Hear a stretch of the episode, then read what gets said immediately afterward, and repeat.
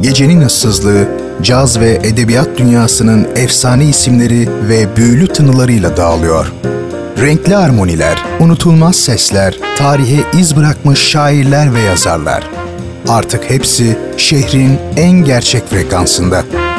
Leyla Ceren Koç'la Caz Bulvarı her pazar 23'te 93.5 Radyo Gerçek'te. Caz Bulvarı başlıyor.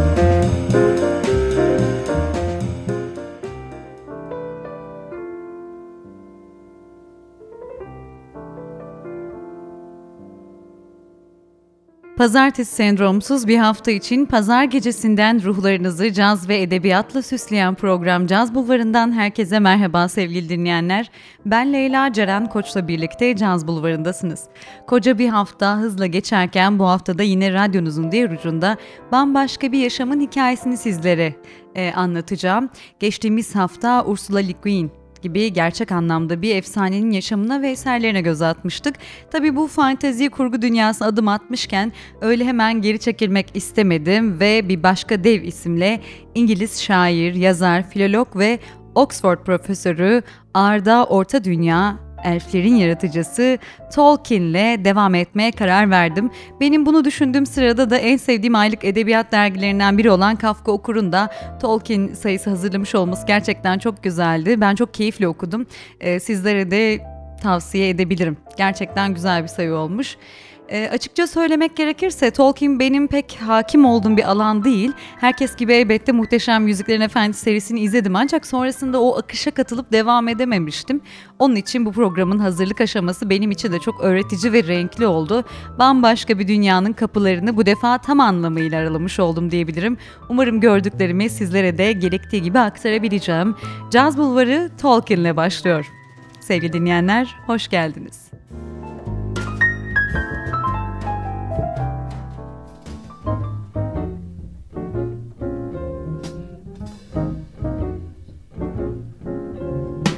Heaven. I'm in heaven. And my heart beats so that I can hardly speak. And I seem to find the happiness I see when we're out together, dance cheek to cheek is heaven. I'm in heaven. And the cares that hung around me through the week seems to vanish like a gambler's lucky streak. When we out together, dancing cheek to cheek Oh, I'd love to climb to mountain, reach the highest peak. But it doesn't thrill me half as much as dancing cheek to cheek. Oh, I'd love to go out fishing in a river or a creek. But I don't enjoy it half as much as dancing cheek to cheek. Now, mama, dance with me. I want my arms about you, the charms about you will carry me through. Yes, heaven. I'm in heaven and my heart beats so that I can hardly speak. And I seem to find the happiness I seek when we out together, dancing cheek to cheek. Take it, Ella, swing it. Heaven, I'm in heaven beats so that I can hardly speak. And I seem to find the happiness I see when we're out together, dancing cheek to cheek. Heaven,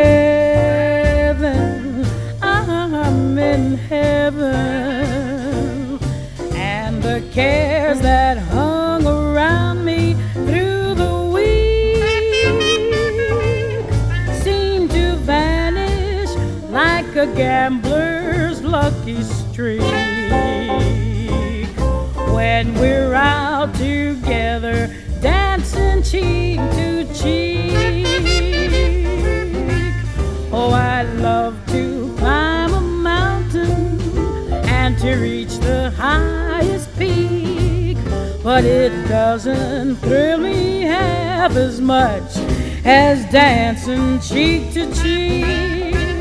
Oh, I love to go out fishing in a river or a creek, but I don't enjoy it half as much as dancing cheek to cheek. Come on and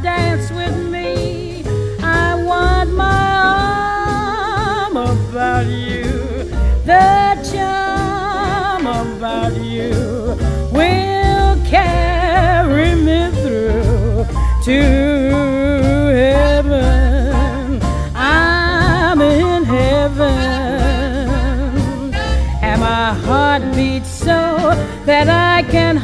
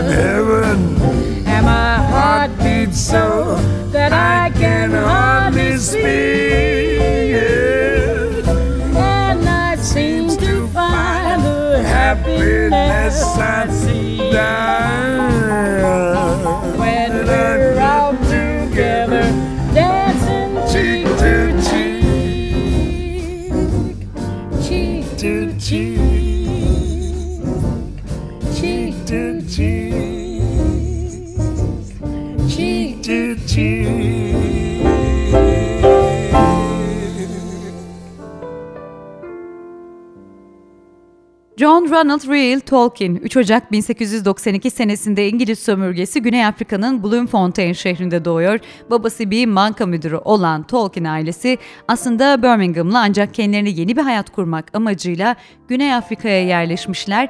Fakat iklimin getirdiği olumsuzluklar sebebiyle kısa zaman sonra anne Mabel, Ronald ve küçük kardeşi Hilary İngiltere'ye geri dönmüş. Arkalarından da babalarının dönüşünü bekleyen aile ne yazık ki bu kavuşmayı yaşayamıyor. Çünkü baba Arthur Tolkien 15 Şubat 1896'da Güney Afrika'da yaşamını kaybetmiş. Bunun üzerine Mabel çocukları alıp küçük bir köy olan Sarehall'e yerleşiyor ve bu köy Ronald'ın yazınına da aslında e, derin etkilerde bulunmuş. Ömrünün kısa bir süresini burada geçirmesine rağmen hayallerinde yarattığı Hobbit diyarının esin kaynağı da bu köy diyebiliriz. Ee, Sarehall'de Tolkien'i etkileyen sadece yemyeşil doğa değil elbette köy yakınındaki Mosley bataklığı, kardeşi Hilary ile e, her zaman oynamaya gittikleri Coalbank Road değirmeni ve devamlı kedilerini kovaladığı için Beyaz Ogre adını taktıkları değirmenci Noel'u da Ronald üzerinde derin izler bırakmış söylenene göre. Bu arada Tolkien okuma yazmayı 4 yaşında söküyor ve annesi Mabel ev eğitimiyle de e, birçok kitap okuyup bitirmesini sağlamış. Her zaman dile apayrı bir merakı olan sanatçı bu yaşlarda annesinden Latince de öğrenmeye başlıyor. Tekrar 11-12 yaşlarına dönersek bu dönemde e, Ronald Birmingham'daki King Edward's okuluna başlamış ve aile bir kez daha taşınmak durumunda kalıyor. Bunun üzerine Ronald bu yeni taşındıkları e, Oliver Road Overall'da yakın daha doğrusu C.T. Phillips Okulu'na verilmiş. E, ardından bir yıl sonra da burs kazanınca tekrar King Edwards Okulu'na döner Ronald. Bu dönemde yine 12 yaşındayken ne yazık ki bu sefer de annesini şeker hastalığından dolayı kaybediyor. Aynı dönem Mazes Philip Okulu'nda da eğitim görmüş bu arada.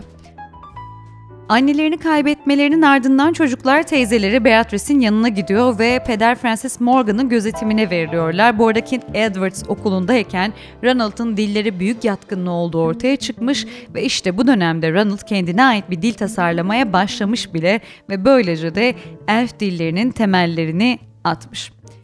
Ronald'ın çocukluğunun yazını üzerinde de etkisi e, daha çok var. Bunu yani tekrar tekrar vurgulamak gerek. Çünkü onun hayal ve yaratım dünyasına e, çok önemli parçalar sağlamış. Yine o parçalardan biri de çocukluktan delikanlılık yıllarına geçerken oturdukları Birmingham kentindeki iki büyük yapı.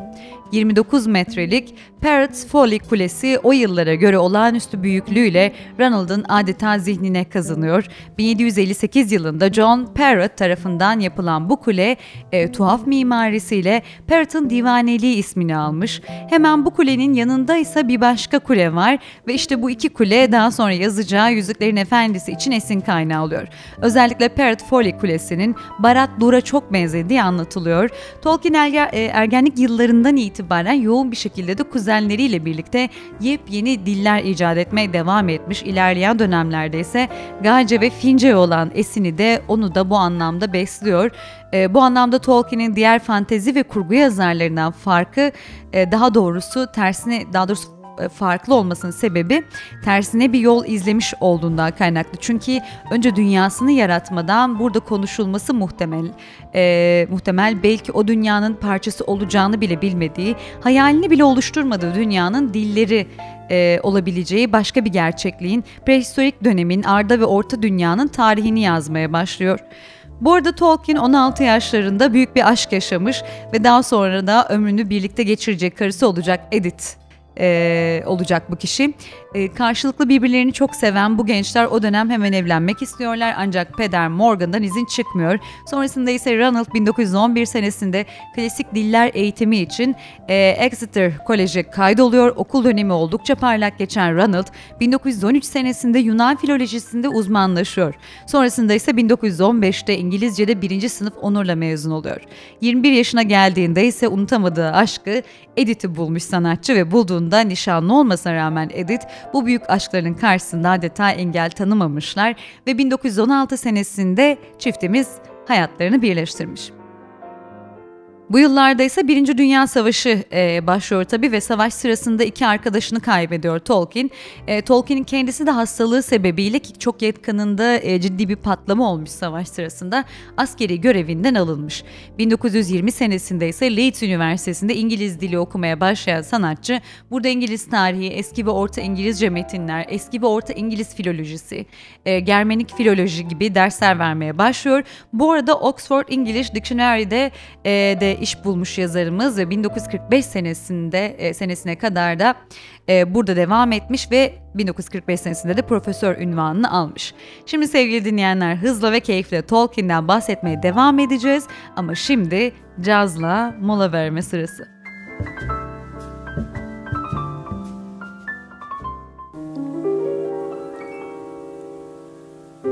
Oh, will you never let me be? Oh, will you never set me free? The ties that bound us are still around us.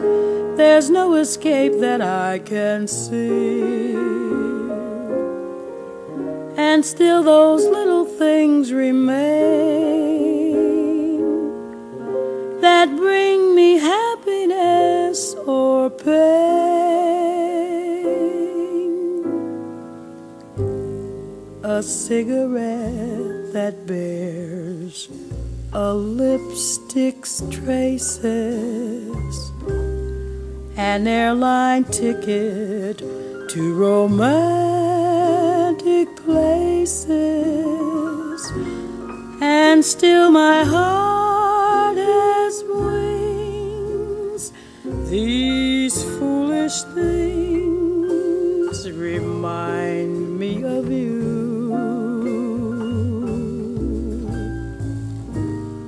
a tinkling piano in the next apartment. Those stumbling words that told you what my heart meant. A fairground's painted swings. These foolish things remind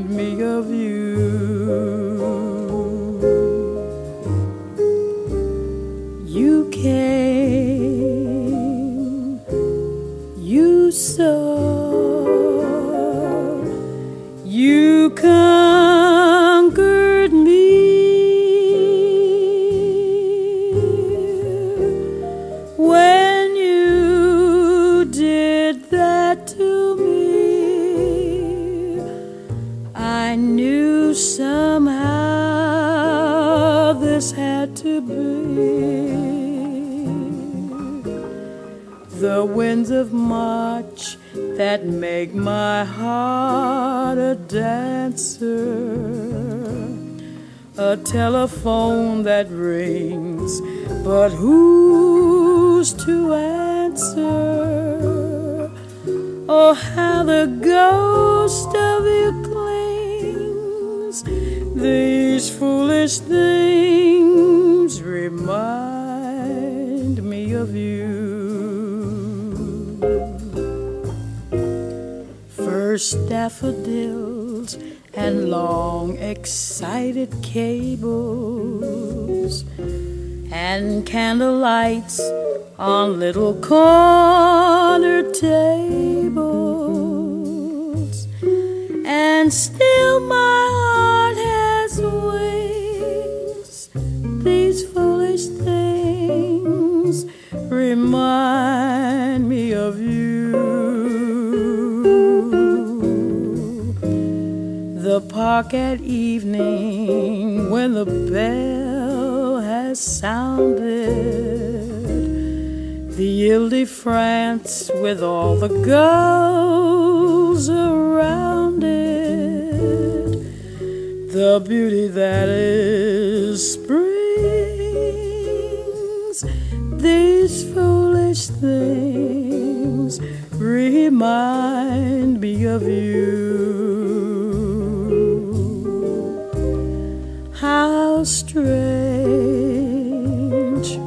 how sweet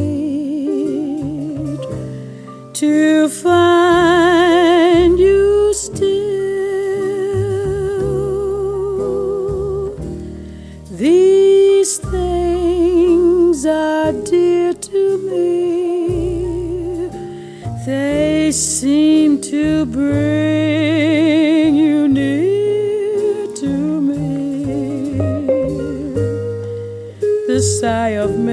trains in empty stations,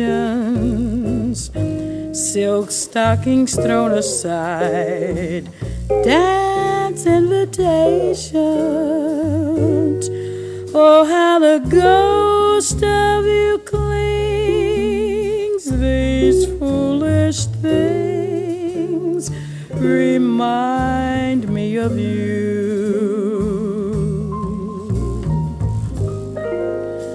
Gardenia perfume lingering on a pillow. Wild strawberries, only seven francs a kilo. And still my heart has wings. These foolish things remind me of you.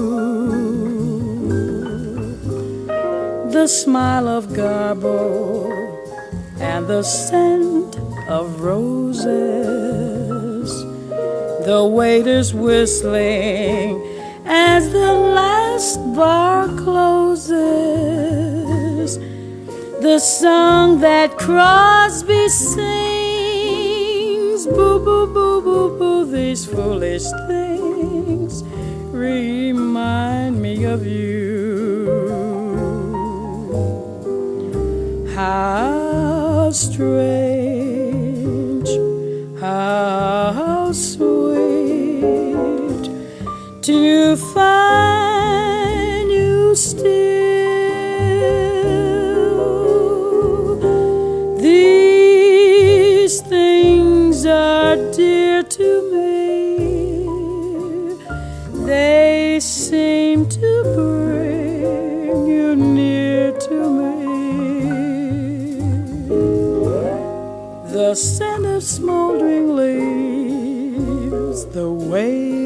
Steamers, two lovers on the street who walk like dreamers. Oh,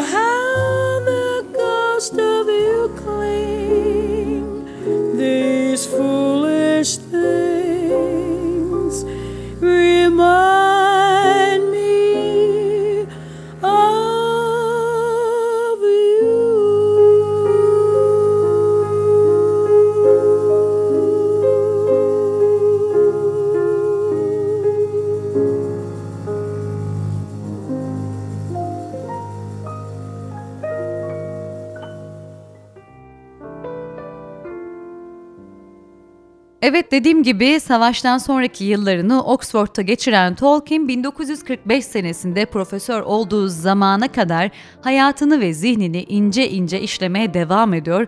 Bu süre zarfında dört çocuğu olduğu için e, olduğu gibi daha doğrusu devasa hayal dünyası orta dünyayı da yaratmaya devam etmiş bir çeviri e, kitabı olan Sir Gawain and the Green Knight da bu dönemde yayınlanmış. Entelektüel bir topluluk olan e, Inklings'i de yakın dostu Lewis ile birlikte kuruyor. Topluluk fantastik yazın ve şiir üzerindeki ortak tutkularına dayanan bir amaca hizmet etmiş.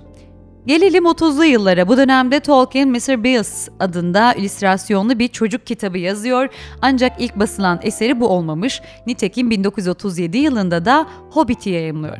Hobbit aslında sinemaya uyarlanma sırasının tersine Yüzüklerin Efendisi hikayesinin başlangıcı. Hobbit başladığı dönemde hem olumlu hem de olumsuz tepkiler almış. E, hatta eleştirmenler Oxford'da profesör olan Tolkien'den nasıl olup da böyle bir masal kitabı çıktığını sorgulamışlar. Ancak bu eleştiriler hiçbir etki e, etmiyor Tolkien'in başarısına. Yaşayan bir dünya yaratan Tolkien'in eseri Hobbit kısa zamanda popüler oluyor. Bu arada Hobbit'in yazım süreci de dediğim gibi e, çok uzun bir süre içerisinde gerçekleşiyor. Eserin çoğunu 7 yıl içerisinde Oxford'da geçirdiği yıllarda tamamlıyor. Ancak 1932'de arkadaşı Lewis tarafından eser okunduğunda Hobbit henüz Ejderha Smaug'un e, ölümünden önce bitiyor ve final bölümleri de eksik. Eserin bu versiyonunun tam haline gelmesi ise Oxford mezunu ve e, Alan Unwin yayın evinde çalışan Susan Dagnall'ın okuması üzerine gerçekleşmiş. Çünkü e, Susan kitabı okuduktan sonra Tolkien eğer eseri tamamlarsa kesinlikle yayınlayacağı yönünde teşvik etmiş ve tabii sözünü de tutmuş. Tabii Hobbit'in başarısı üzerine yayın evi ikincisini yayınlaması için Ronald'a telkinde bulunmuş. Bu sırada Tolkien'in yazdığı yine Orta Dünya tarihi ve bazı hikayelerini barındıran Silmarillion da yayıncı tarafından adeta göz ardı edilmiş. Bu eserde Tolkien'in ölümünün ardından 1977 senesinde oğlu Christopher'ın düzenlemesiyle yayınlanmış. E, tabii ikincisini yazmayı aslında hiç düşünmediği Hobbit hikayesinin devamı içinde ciddi bir istek alan Tolkien yeniden masa başına geçmiş ve 10 yıldan fazla zaman içerisinde hazırlayarak e, bu muazzam eseri yaratıyor. Nedir o muazzam eser? Yüzüklerin Efendisi.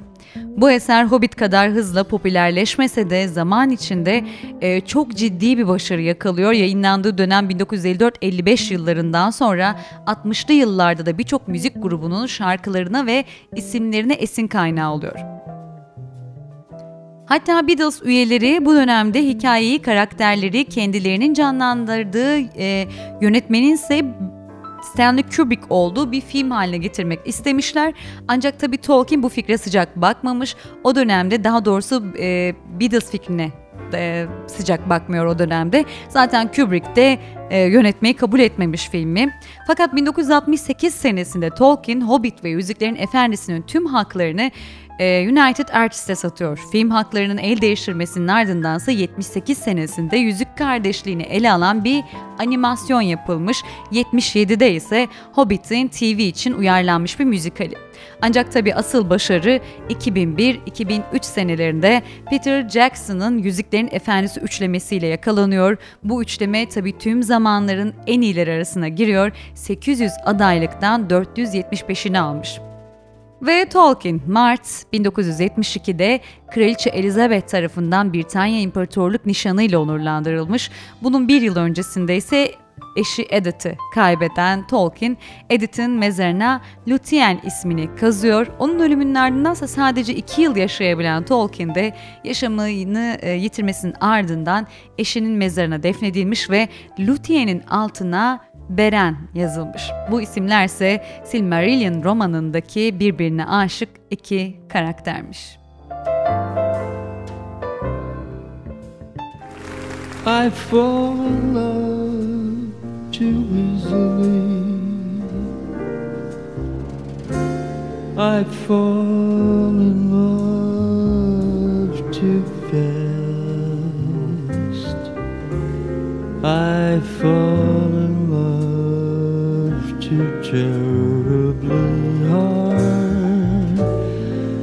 for love to ever last. My heart should be well schooled, cause I've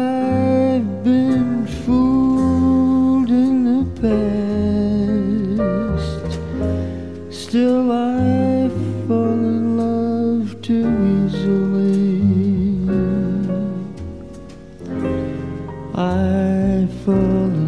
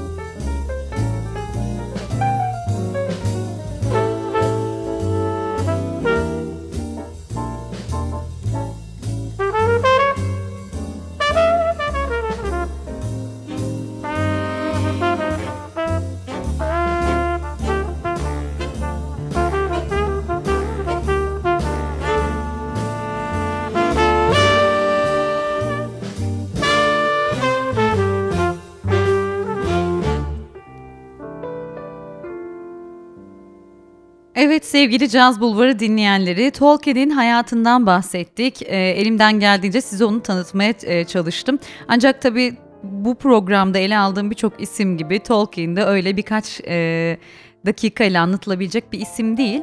Fakat ben Yüzüklerin Efendisi ve Hobbit'i daha iyi anlamanız adına e, Focus dergisinde dönemde yayınlanmış bir yazıyı sizlerle paylaşmak istiyorum. Yazının başlığı aynen şu şekilde çok açıklayıcı bir yazı. Mitolojide yolculuk Tolkien'in ırkları.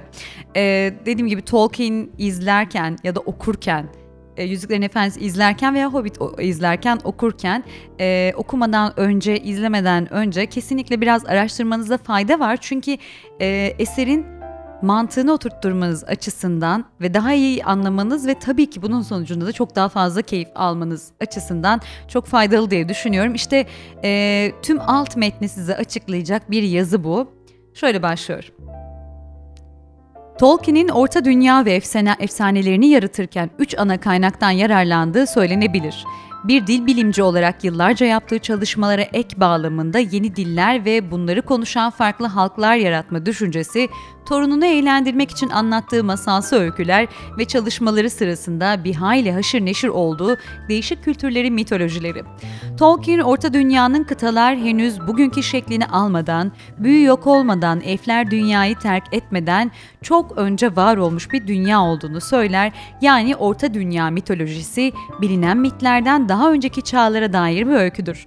Dolayısıyla Orta Dünya tarihiyle bildiğimiz dünya mitolojileri arasında bulunabilecek benzerliklerin esas sebebi bilinen tüm efsanelerin kökeninde bu çok eski dünya ve tarihinin olduğunu varsaymasıdır. Çok tanrılı sistemler arasındaki benzerlik Yunan ve Roma mitolojileriyle Orta Dünya arasında kurulabilecek en önemli paralellik olarak karşımıza çıkıyor. Orta Dünya tanrıları sayılan Valer, dişi ve erkeklerden oluşan her biri kendi etki alanına sahip ve kendi aralarındaki ilişkilerle dünyadaki olaylara yön veren Olimpos tanrıları benzeri bir grup. Yüzüklerin Efendisi'nde Aragorn'un kısaca değindiği Silmarillion'da ayrıntılı bir şekilde bahsedilen Elf Lúthien'le insan Beren'in hüzünlü aşk hikayesi. Yunan kökenli Orpheus efsanesini andırıyor. Bu efsaneye göre e, Orpheus karısı, su perisi, Nimfa, Euridike'yi kurtarmak için yeraltı dünyasına iner ancak yeraltını terk etmeden önce karısına bakması yasaktır. Orpheus dayanamaz ve bakar bu yüzden Euridike sonsuza dek lanetlenir. Tolkien'in yararlandığı bir diğer kaynakta İskandinav mitolojisi. Orta Dünya yani Middle Earth adı İskandinav mitolojisindeki dokuz dünyadan insanlara ait olan Midgard'dan esinlenerek yaratılmış. Cüceleri yaratan Aole, demirciler tanrısı balta kullanan Thor'la önemli benzerlikler taşıyor. Tolkien'in kullandığı çoğu cüce adı ve bunların yanında Gandalf da İskandinav mitolojisi kökenli. Ayrıca Gandalf'ın tanrı Odin'le kimi benzerlikler taşıdığı görülüyor. Odin de Gandalf gibi uzun sakallı e, asa taşıyan yaşlı bir adam olarak anlatılıyor. Runik alfabeyi insanlara hediye eden kişi Orta Dünya'da Gandalf, İskandinav mitolojisinde ise Odin'dir. Her ikisi de sıradan insanların anlayamadığı görevler uğruna tek başına seyahat ederler. Gandalf'ın atı Shadowfax, Orta Dünya'nın en hızlı atıdır. Odin'in 8 bacaklı atı Sleipnir gibi.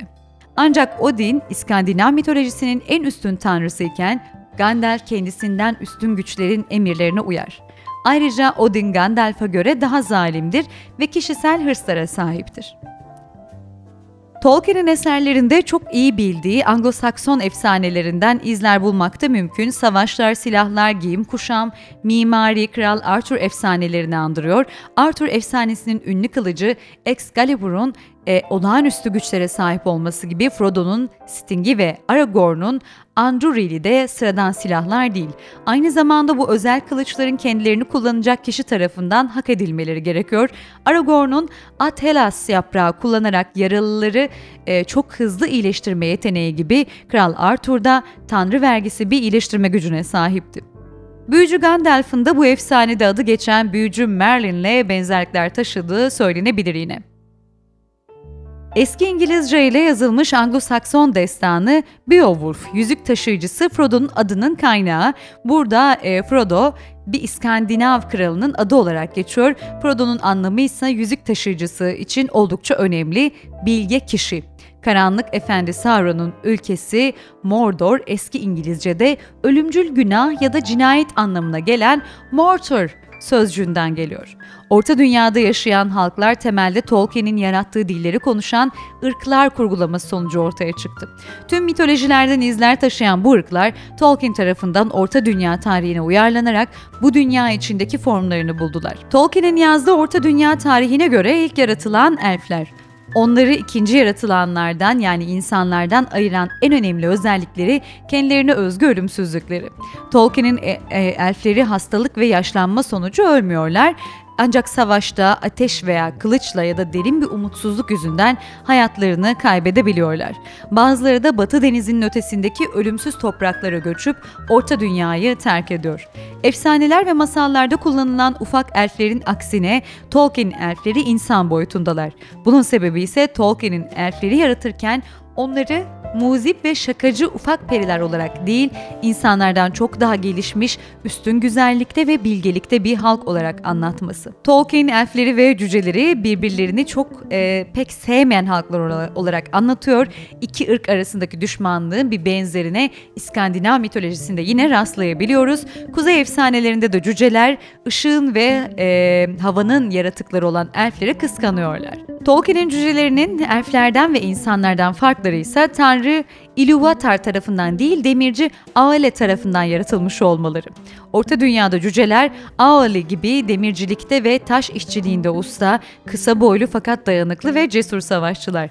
Yüzüklerin Efendisi'nde karşılaştığımız çok ilginç bir halk da Entler. Bu halk boyu 4,5 metreyi bulan dev e, ağaç adamlardan oluşuyor. Ent sözcüğünün kökünde de e, eski İngilizce'de dev anlamına gelen enta sözcüğü olduğu söylenebilir. Yürüyen ve savaşan ağaçlardan oluşan bir orman daha önce de Shakespeare tarafından Macbeth'te kullanılmıştı. Fakat bu ağaç kılığına girmiş askerlerden oluşan sahte bir ormandı. Tolkien belki de bu yürüyen orman fikrinin gerçek olması gerektiğini düşündüğünden Entlerin öyküsünü anlattı. Yüzüklerin Efendisi'nde önemli rol oynayan hobbitler, kovuklarda yaşayan barışçı, neşeli ve sürekli aç dolaşan bir halk. Tüm iyi halkların ortak düşmanları orklar, goblinler ve trollerse Orta Dünya'nın kötülüğe hizmet eden ırkları. Tolkien, orkların Melkor'un zindanlarında tutsak ettiği ve sonsuz işkencelerle özlerini bozarak hizmetine aldığı elfler olduğunu söylüyor. Melkor'un işkenceleriyle kararan yürekleri yüzünden efendilerinin emirlerini isteksizce, korkuya dayanan bir bağlılıkla yerine getiriyorlar. Tolkien'in orkları, goblinleri İskandinav efsanelerinin büyüyle yaratılan kötücül canavarlarına da benziyorlar. Evet sevgili dinleyenler işte kısaca böyle anlatılabilir Orta Dünya dünyası diyelim. Orta Dünya mitolojisinin e, bildiğimiz mitolojilerle bağlantısını böyle kısaca özetleyebiliriz. Ve son olarak e, programı kapatmadan önce de e, Tolkien'in BBC ile 1968 yılında yaptığı bir röportajdan bir bölüm paylaşmak istiyorum. Ee, yine Orta Dünya üzerine Tolkien'in kendi sözleri aynen şu şekilde. Bu mitolojide Tanrı'nın hükmü altındaki kutsal ruhlar dahil herkes hata yapmıştır. Tabii ki tanrılar da temel bir hata yaptı. Elfleri ve insanları Tanrı'nın rehberliğinde kendi yollarını bulmaları için serbest bırakmak yerine içlerinde isyankar kötü tanrı Melkor yaşıyor ve dünyanın büyük bölümünü yakıp yıkıyor diye elflere bir davette bulundular. Onları korumak için batıdaki cennetlerine geri götürdüler.'' Dolayısıyla tüm olaylar dizisi aslında elflerin isyanıyla başlamış oldu. Denebilir ki kötünün isyanı yüzünden cennetten kovulmuş oldular. Bu dönemde iki tür elf vardı. İlki sırf istemedikleri için yola çıkmayan, oldukları kimseden fazlası olmayı umursamayan uzak doğunun orman diyarı elfleriydi. Ötekilerse ilahi cennete doğru yola çıkan ama oraya asla ulaşamamış olan batının gri elfleriydi ve sürgün olarak geri dönmüşlerdi. Yüzüklerin Efendisi'nin başlangıcında Elberet şarkı söylemiş olan e, yüksek elfler bir zamanlar ortaya çıkmış tanrıları bizzat görmenin neye tekabül ettiğini bilen sürgün edilmiş elflerdir. Tabi bu konuda cüceler bir zorluk çıkarıyor değil mi? İnsanlara ve elflere karşı belirli sıkıntıları var. Bedenleri insan şeklinde bizler gibi olmalarına karşın onlar hakkında pek bir şey bilmiyoruz. Ama görünen o ki ölümlüler, uzun ömürlüler. Peki onlar bu düzene neden katılıyorlar? Elbette ki kökenlerini oluşturan pek çok tür vardır. Şu an için bu konuda bir şey söyleyebileceğimi sanmam ama kendilerine uygun mantıksal kökenleri olduğunu söyleyebilirim. Yine de Tanrı'nın çocuklarının bir parçası değiller. Bu konuda hakikaten söyleyeceklerim bu kadar. İnsan sadece insandır demiş Tolkien kısaca.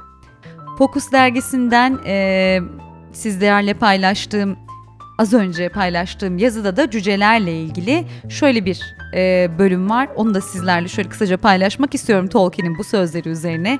Cüceler kökenini eski efsaneler ve peri masallarından alan bir tür. Kuzey efsanelerinde geçen Alfer aslında dört ana cüce grubundan biri. Kelt mitolojisinde elfler ışığın ve havanın yaratıkları, cüceler ise karanlık ve yeryüzüne ait yaratıklar. Genelde mucit ve zanaatkar bir halk olarak anılıyorlar. Madenlerde çalışırlar ve para gözlüdürler. Kısa boylarına rağmen yapıları sağlam ve güçlü. Öne çıkan bir diğer özellikleri de savaşçılıkları. Cüce figürü Volsunga ve Nibelungen destanlarına dayanır. En ünlü cüce Nibelungen hazinesini koruyan Alberich ya da Antvari'dir.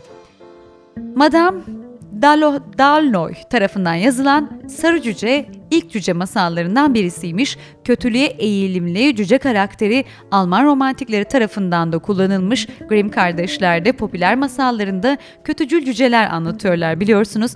Masallardaki cücelerin en ünlüleri ise kötülükle ilgisi olmayan Pamuk Prenses'in sadık ve yardımsever 7 cücesi zaten genel, genel olarak bilindiği üzere. Ve evet sevgili Caz Bulvarı dinleyenleri bu pazarda programın sonuna geldik. Ben elimden geldiğince gerçekten çok büyük bir efsane olan hayal dünyasının sınırlarını e, algılayamadığım e, Tolkien'den bahsettim sizlere. Bahsetmeye çalıştım. E, Orta Dünya'dan, elflerden, hobbitlerden bahsetmeye çalıştım sizlere. Bugüne kadar zaten onlarla tanıştıysanız e, hiç problem yok. Belki benim verdiğim bilgiler e, size yeterli bile olmamış olabilir. Çünkü bu dünya gerçekten apayrı bir e, evren diyebilirim.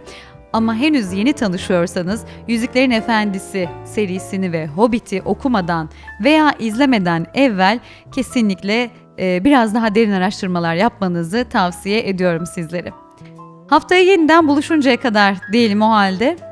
Caz Bulvarı sona erdi. Görüşmek dileğiyle.